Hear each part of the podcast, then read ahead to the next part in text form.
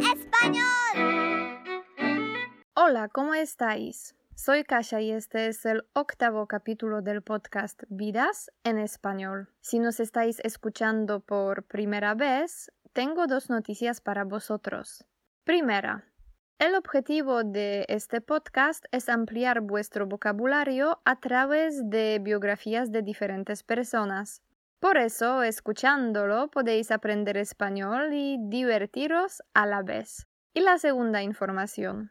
Hoy voy a presentar la segunda parte de la historia de la escritora inglesa Virginia Woolf. Por eso, si todavía no habéis escuchado la primera parte, es el capítulo número 7 del podcast, hacedlo ahora y después volved a este capítulo. De acuerdo, la última vez hablamos de los primeros 30 años de la vida de Virginia. Y llegamos al año 1912, cuando la escritora se casó con uno de los miembros del grupo de Bloomsbury, Leonard Woolf. ¿Qué pasó después? Bueno, vamos a averiguarlo hoy.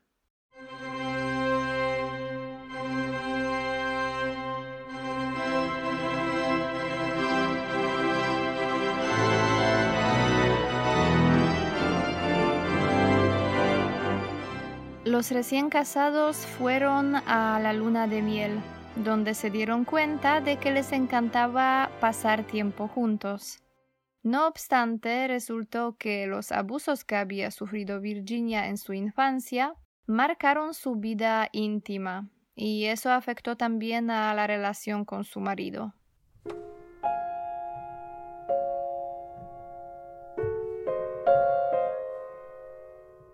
Al poco tiempo, Virginia, que en aquella época estaba terminando su primera novela, se puso enferma de nuevo y dejó de comer. Fue ingresada durante un corto periodo de tiempo. Cuando volvió a Londres, trató de quitarse la vida.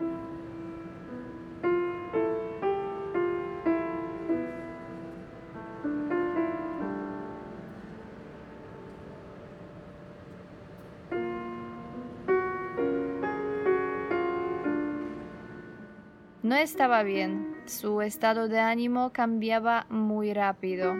En un momento se ponía como una fiera y poco después ya sentía una desesperación agobiante.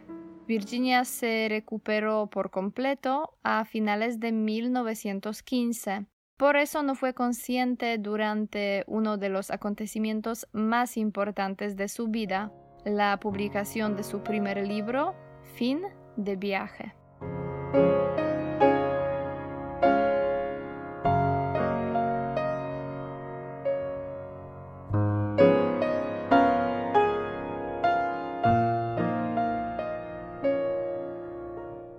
Leonard descubrió que Virginia estaba bien y no se ponía enferma cuando evitaba emociones extremas, comía regularmente y no se cansaba demasiado.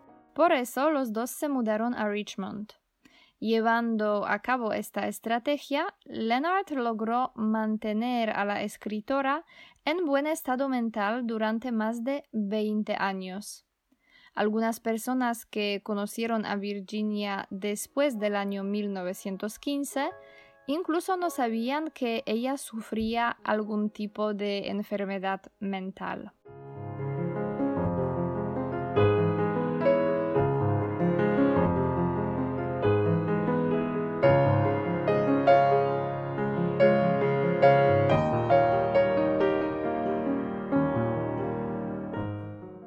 Los Wolf se establecieron en Richmond, en una casa llamada Hogarth House. Por eso la editorial que montaron en 1917 la llamaron Hogarth Press. Su editorial jugó un papel importante en la cultura de Inglaterra. Por ejemplo, los Wolf fueron los primeros que publicaron a Freud en inglés. Publicaron también a las obras de T.S. Eliot o Catherine Mansfield y sobre todo los textos de la propia Virginia, que le dio a la escritora una gran libertad. No tenía que tener en cuenta la opinión de los dueños de las editoriales y bailar al son que tocan.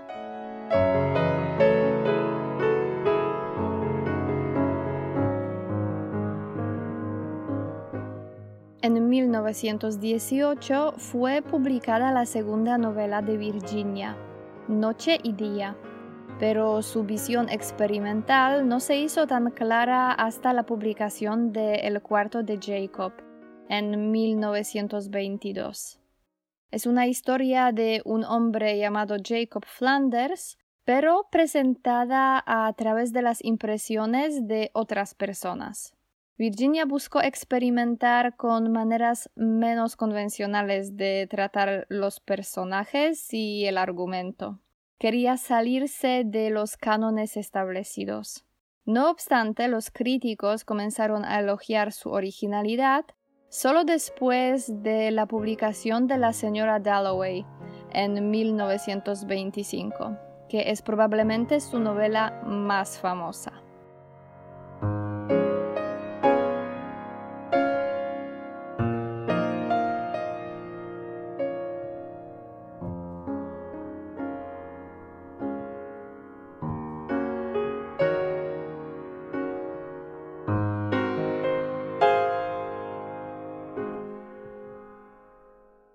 Todo lo que pasa en este libro ocurre durante solo un día, un día de junio de los años 20 del siglo XX.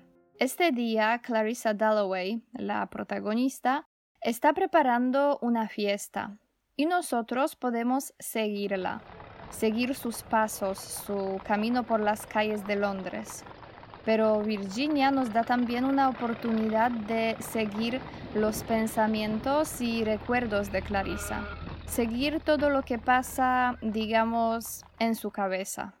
Es una narrativa de un estilo que podemos llamar flujo de conciencia o monólogo interior.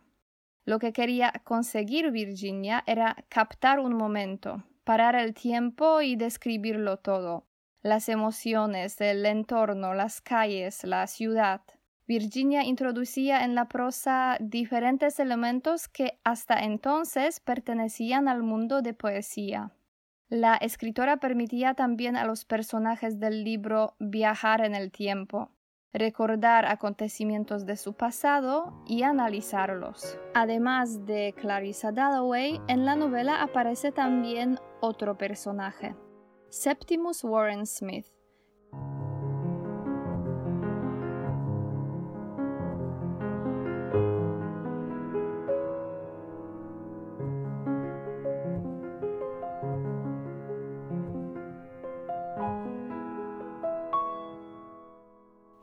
Ha vuelto de la guerra traumatizado, puesto que fue testigo de la muerte de su amigo Evans.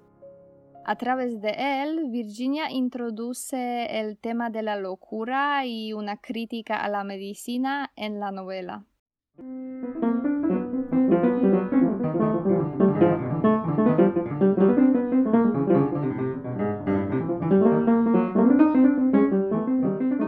Caso es que Septimus parece ser un personaje que tiene mucho que ver con la propia Virginia él también oye pájaros cantando en griego e intenta suicidarse.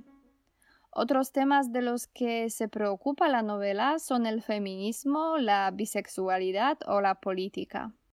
Y claro está, leyendo la obra de Virginia encontramos también a otra protagonista. La ciudad de Londres, tan querida por la autora de la señora Dalloway las calles ruidosas llenas de vida, los parques verdes, los monumentos. En la novela hay de todo. En general podemos decir que a través de los personajes del libro, Virginia crea una imagen de la vida y la sociedad de entreguerras.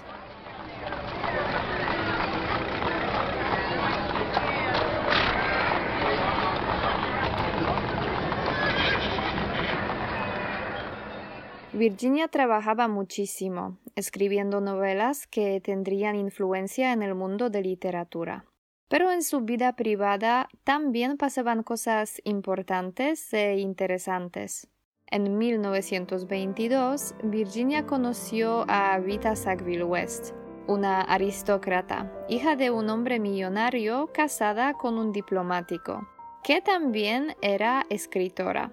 Hogarth Press publicó algunos de sus libros que tuvieron mucho éxito y se vendieron como pan bendito.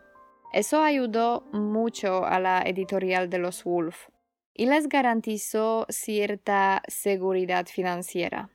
Poco después del primer encuentro de Vita y Virginia, empezó su romance.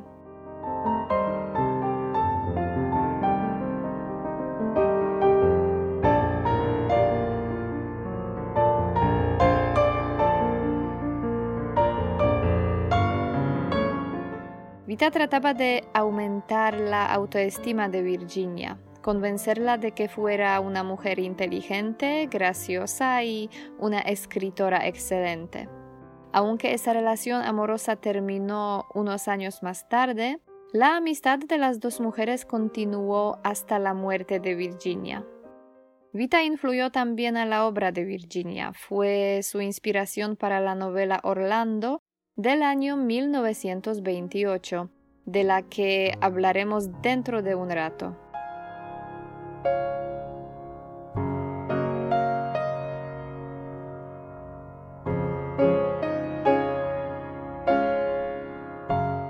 En 1924, los Wolf volvieron a Bloomsbury.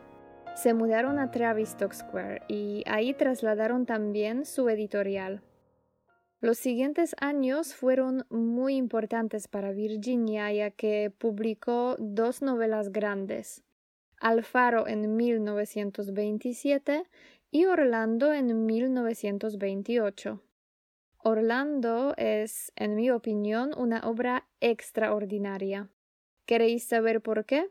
Primero, fue la sexta novela de Virginia, pero ella no la trataba tan serio como las obras anteriores la llamó Vacaciones del escritor. Casi 300 páginas del texto, vaya vacaciones, pero ya sabéis que Virginia era una hormiguita.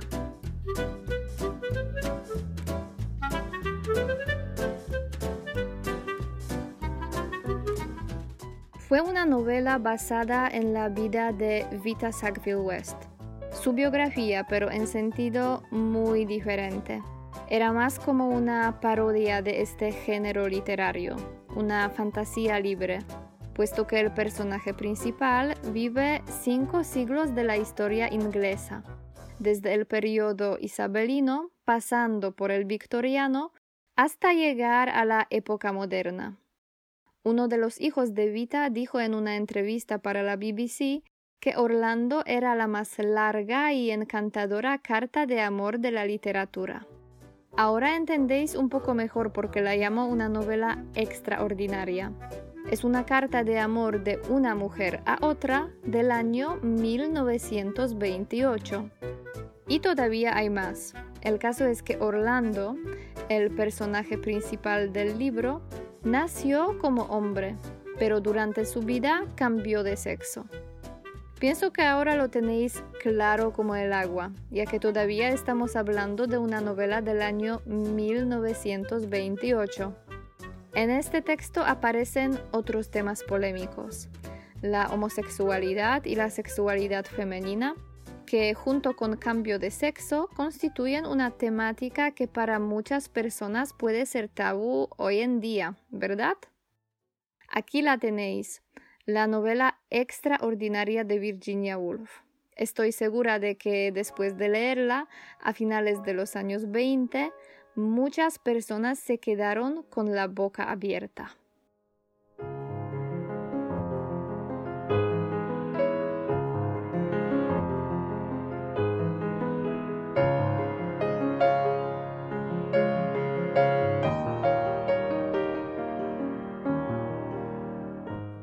Además de escribir novelas, Virginia escribió también varios ensayos. Uno de ellos es muy famoso y muy importante, especialmente para los movimientos feministas. Virginia lo escribió para una conferencia.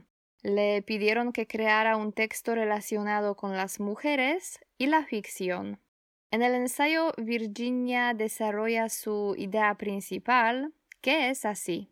Una mujer debe tener dinero y una habitación propia para poder escribir novelas.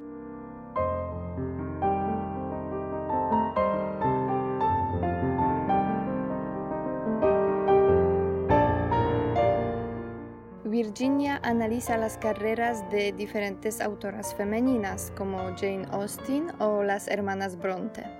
Para presentar y expresar su idea, usa también personajes ficticios, por ejemplo, inventa a Judith, la hermana de Shakespeare, que tenía las mismas habilidades que él, pero como otras chicas de su época, no fue a la escuela, se quedó en casa. Como no quería casarse, su padre la pegaba y la obligó a hacerlo. Al final Judith se quita la vida. Su talento se pierde y su hermano tiene un éxito enorme y se convierte en uno de los escritores más grandes del mundo. En el texto, Virginia pone también citas de diferentes hombres que creen que las mujeres no son tan inteligentes y sabias como ellos, que miran por encima del hombro a las mujeres. Virginia trata de convencer a sus lectores de que las mujeres no son peores ni menos inteligentes que los hombres, y lo hace de una manera original e interesante.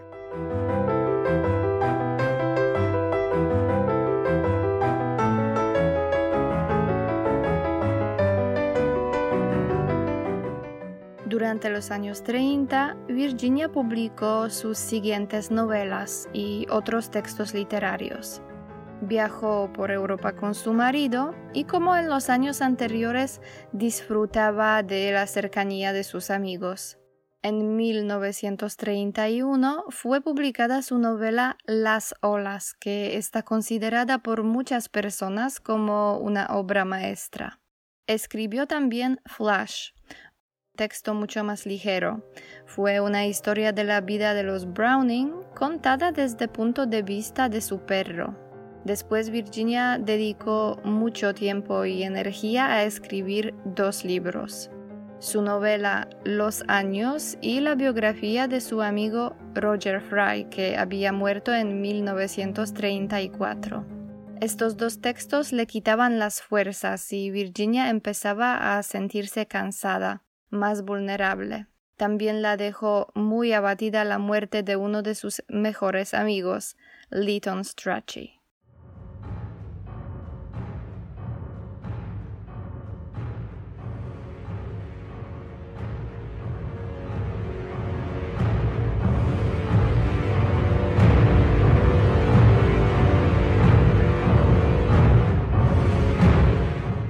En aquella época la política se estaba haciendo cada vez más importante para todos los europeos, puesto que los nazis ganaban más territorios y más poder.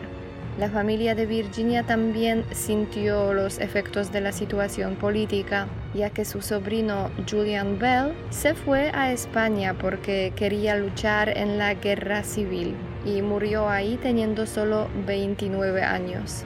La hermana de Virginia Vanessa lo pasó muy mal y la escritora trató de consolarla escribiéndola a ella cada día. I am speaking to you from the cabinet room at 10 Downing Street. Estalló la Segunda Guerra Mundial.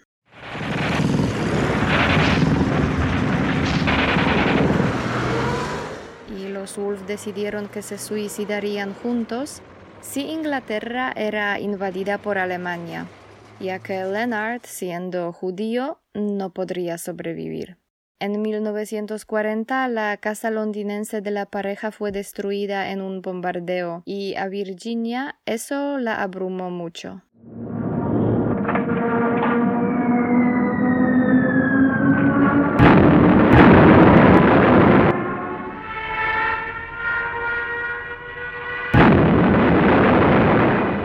Por si fuera poco, la escritora sufrió un nuevo ataque de su enfermedad, y todos estos acontecimientos solo empeoraban su estado de salud.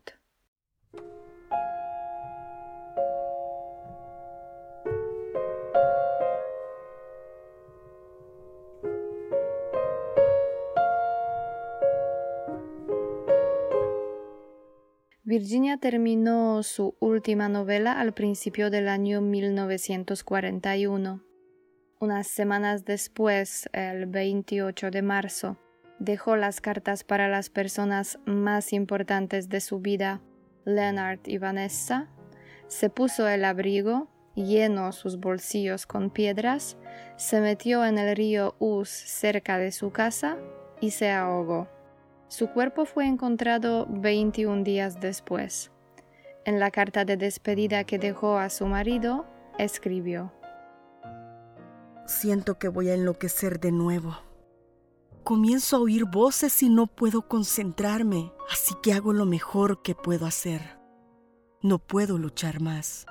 Sé que estoy arruinando tu vida, que sin mí tú podrás trabajar. Lo harás, lo sé. Ya ves que no puedo ni siquiera escribir esto adecuadamente. No puedo leer. Lo que quiero decir es que debo toda la felicidad de mi vida a ti. Has sido totalmente paciente conmigo e increíblemente bueno. Si alguien podría haberme salvado, habría sido tú. Todo lo he perdido excepto la certeza de tu bondad. No puedo seguir arruinando tu vida durante más tiempo. No creo que dos personas pudieran ser más felices de lo que hemos sido tú y yo.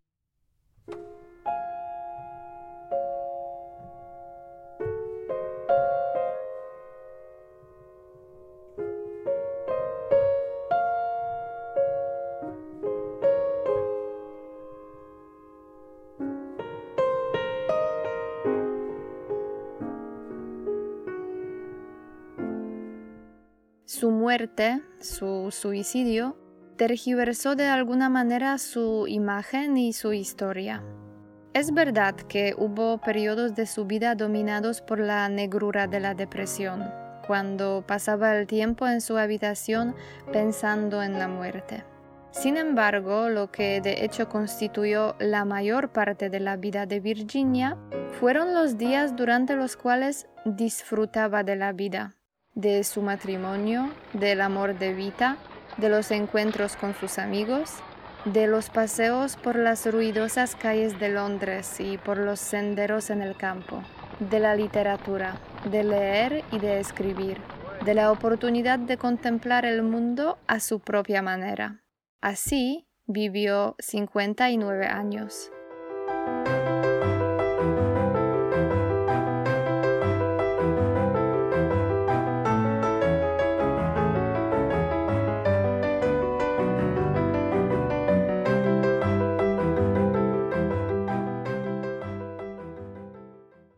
Virginia murió hace más que 70 años, pero todavía está presente en la cultura europea y mundial. Who's afraid of Virginia Woolf? Virginia Woolf, Virginia Woolf. Who's afraid of Virginia?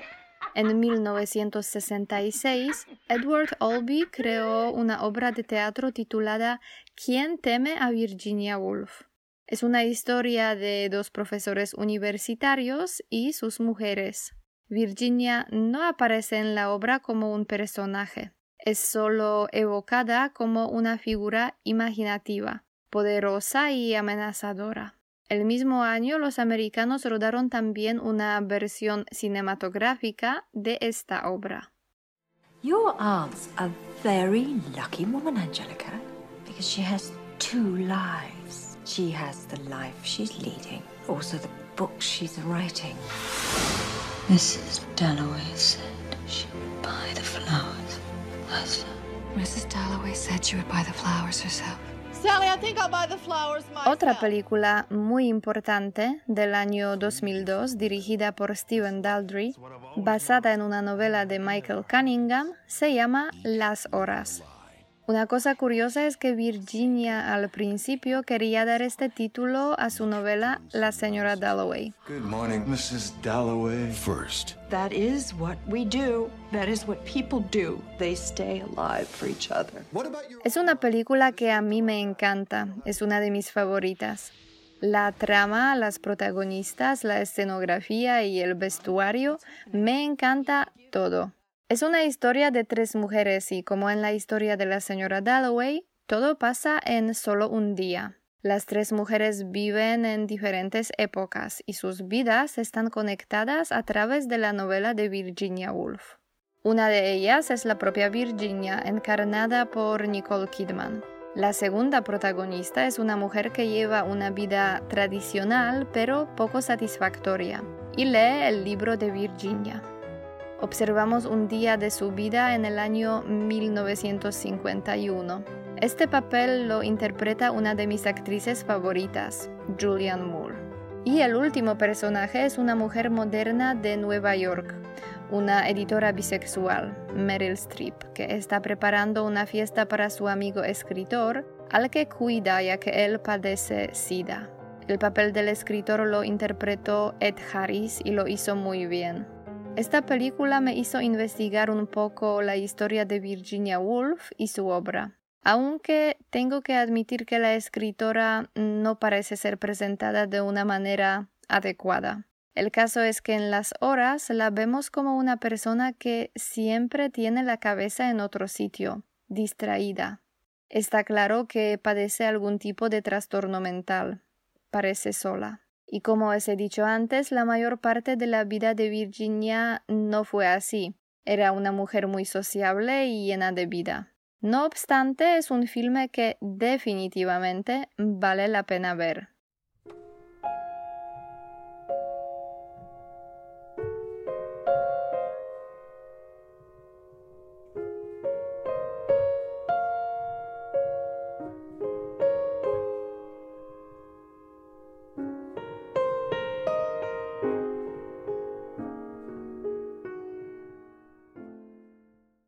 Bueno, espero que vosotros tras escuchar este podcast, como yo después de ver las horas hace 15 años, vais a investigar un poco la obra de Virginia. Espero que este podcast despierte vuestro interés por la famosa escritora inglesa. Hay muchísimas opciones. Podéis elegir una de sus novelas. Para empezar os recomiendo Orlando o La señora Dalloway. Podéis leer uno de sus ensayos, sus diarios o las cartas que escribía. ¿Sabéis que hubo periodos en su vida en los que escribía siete cartas al día? Ha llegado la hora de explicar el vocabulario que ha aparecido en la segunda parte de la historia de Virginia. La lista es bastante larga, por eso no hay tiempo que perder. Empezamos. La primera expresión es la luna de miel. Es el viaje de novios recién casados. Darse cuenta de algo. Es una expresión muy útil que se usa muy a menudo y significa enterarse de algo o entenderlo. Ponerse como una fiera es una expresión idiomática que significa ponerse furioso. Agobiante es algo preocupante o abrumador, es una cosa que fatiga. Recuperarse significa recobrar la salud. Consciente. Una persona consciente se da cuenta de lo que está pasando, de su comportamiento y sus consecuencias. Tomar en cuenta es una expresión que significa considerar algo. Bailar al son que tocan. Es un modismo que quiere decir que alguien hace lo que esperan o requieren otras personas. El argumento. El argumento de una novela o de una película es el tema o la trama. Elogiar significa decir cosas buenas o agradables sobre alguna persona o cosa. El flujo es un movimiento permanente de algo. Pertenecer significa formar parte de algo. El testigo es una persona que presencia algún acontecimiento. Tener mucho que ver con algo. Es una expresión muy popular que significa tener mucho en común. Influenciar. Este verbo lo usamos cuando alguna persona o cosa produce ciertos efectos sobre otras personas o cosas. Venderse como pan bendito. Es un modismo que simplemente quiere decir que algo se vende muy bien. Convencer significa formarse una opinión de alguien o hacer a alguien cambiar su opinión. Ser una hormiguita es una expresión idiomática usada para hablar de una persona muy trabajadora. Claro como el agua es otro modismo. Cuando algo está claro como el agua, es obvio, evidente. Quedarse con la boca abierta. Aquí tenemos un modismo otra vez. Este significa quedarse muy sorprendido. La cita son las palabras que ha dicho o escrito alguna persona. Mirar por encima del hombro. Es una expresión idiomática que significa tratar a alguien con desprecio. Vulnerable. Una persona vulnerable es una persona débil, poco fuerte. Es muy fácil hacerle daño. Abatir. Es sinónimo de desanimar o debilitar. Consolar significa animar a alguien, ayudarle en una situación difícil o dolorosa, usando palabras agradables o caricias. Estallar. Esta palabra la usamos cuando algo ocurre de forma repentina o violenta. Por ejemplo, una revuelta puede estallar o una guerra. Invadir significa entrar en algún territorio o dominarlo usando la fuerza.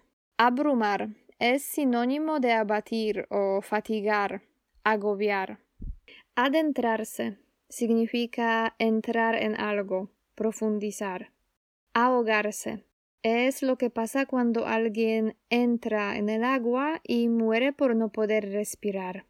Salvar significa ayudar a alguien librándole de algún peligro. La certeza es un conocimiento seguro de algo.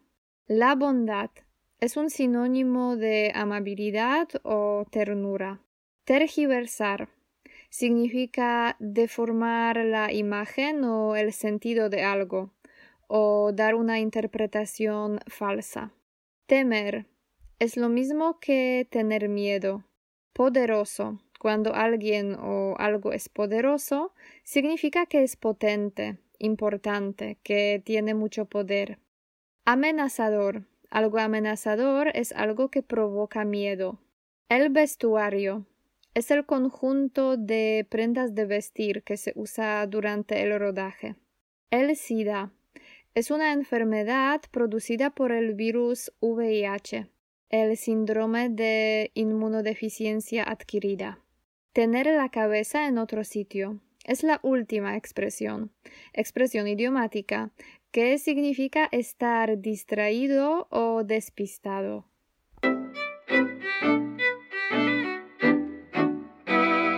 Queridos oyentes, hemos llegado al final de nuestro encuentro con una de las escritoras más influyentes del siglo XX. Como siempre, he preparado para vosotros un test, gracias al que podéis comprobar si habéis entendido la historia de Virginia. Lo podéis encontrar en la página web del podcast www.vidasenespañol.com barra podcast barra Virginia Woolf. La primera persona que consiga al menos 18 puntos obtendrá la transcripción completa del podcast. Por eso os animo a participar en este concurso.